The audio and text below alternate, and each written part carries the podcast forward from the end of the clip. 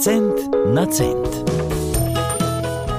Lepo zdrav vsem, ki na radiju Ognišče spremljate rubriko Cent na cent. Z nami je gospa Ana Vezovišek, dobrodošli. Pozdravljeni. Spremljamo tiste, ki jih vi spremljate in jim pomagate do popolne finančne preobrazbe, ki je več kot le finančna. Brusite tudi karakter, Jana. Ja, zelo celostna je ta preobrazba. Ja. No, in če smo zadnjič govorili o družini, ki ima štiri otroke, ki se odloča prodati avto ali ne, in kot ste pomembno omenili, 15 odstotkov prihodkov naj bi bilo namenjenih za avto, ne več, se bova danes ustavili pri gospe, ki je v razmerju in vendarle se zdaj odloča, kako bi pa s fantom uredile skupne finance. Tudi tu je verjetno problem, ko se dva združita, finančno področje je pa potem tisto.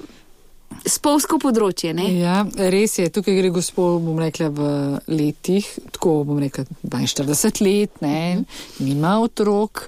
Uh, in seveda je, kar je zelo pohvalno, prišla do tega, da to pa nekaj ona ne dela prav z denarjem. Uh, in to je tak največ, kar je lahko, torej, da se zavedamo, da nekaj ne delamo prav.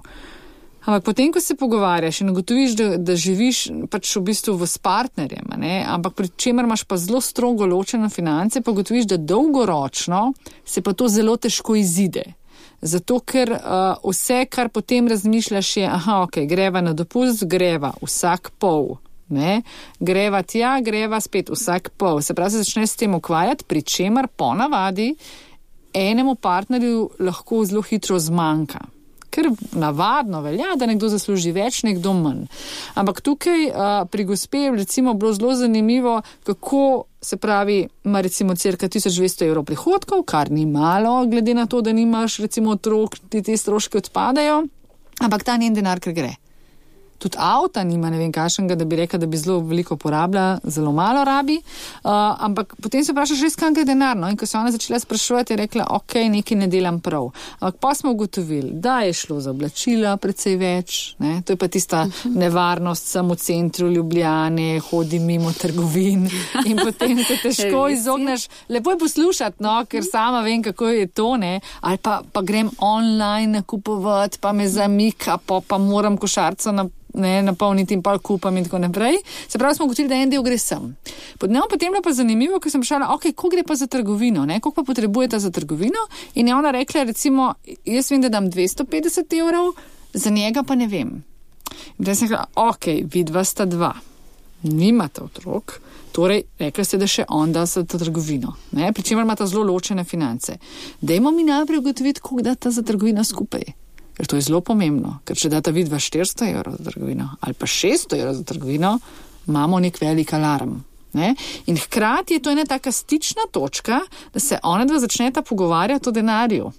Ne? Je to en tak lep, reka, ne trik, ampak tak pristop, tak eleganten, ker sta nakupovanje vedno upravljala skupaj, greva skupaj v trgovino, dejva skupaj, kot bi rekla, ok, 250 evrov ti je 150 evrov, recimo, v eno kuverto in s tem začniva nakupovati. Tako bo sta ona sploh ugotovila, koga gre za to kategorijo in se hkrati začela pogovarjati o denarju. Ne? Ker ne moš kar naenkrat zdaj posest partnerja po ne vem kolkem času in reči, ok, zdaj naprej pa mi da imela skupno, zdaj pa je želim videti, kam gre tvoj denar, koga imaš in tako naprej. To so prijemi, ki so zelo dolgotrajni, počasni, ne, in nekje moraš začeti. No in gospa je zelo hitro rekla, da se ve, da se bo imela najbolj pod nadzorom, če bo uporabljala sistem kuvert. O tem smo tudi že mi govorili, da nekaterim to zelo dobro uh mhm. -huh. funkcionira.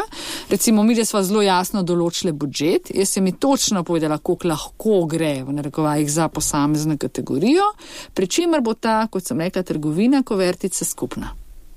In potem počasi greš naprej. Ana, koliko v kuvertice, če se malce ustavi pri teh kuverticah na splošno, pa da lažje računamo tisoč evrov plače? Kako uh -huh. bi mhm. razporedili kuvertice? Um, ja, pri, njih, pri tej gospene, ko hitro ugotoviš, da je dop za dopuščalo poprečju 200 evrov recimo, na mesec, ne, seveda, ker pa si pa lahko več uh mhm. -huh. privoščiš in tako, ugotoviš, da pri njej smo naštavili budžet, če se namotem, na 800 evrov. Uh mhm. -huh. Se pravi, ona ne bo razpolagala s 1200 evrov uh -huh. vsak mesec, uh -huh. večino mesecev pa. Na teh 800 evrov smo dali 250 za trgovino, potem nekaj malega za darila, ker sicer je bila vajena po 140 evrov na mesec za darila, neko zanimivost, kako kam gre pol naš denar, ker so bile skozi neke žurke, priložnosti, ja. ne, priložnosti takšne drugačne. Ne, in potem nekaj malega za oblačila, mislim pa še zmer ne premalo, ne, in potem smo prišli na 800 za vse tiste mesece, ko pa ona gre na dopust, ko pa rabi malček več denarja, takrat bo pa črpala iz tiste koverte, ki bo kon, najbolj debela na koncu. Ne? Odlično, torej lahko poskrbimo, da bodo koverte bolj debele. Ja, Hvala, gospod Navezovišek, srečno. Hvala vam. Cent na cent.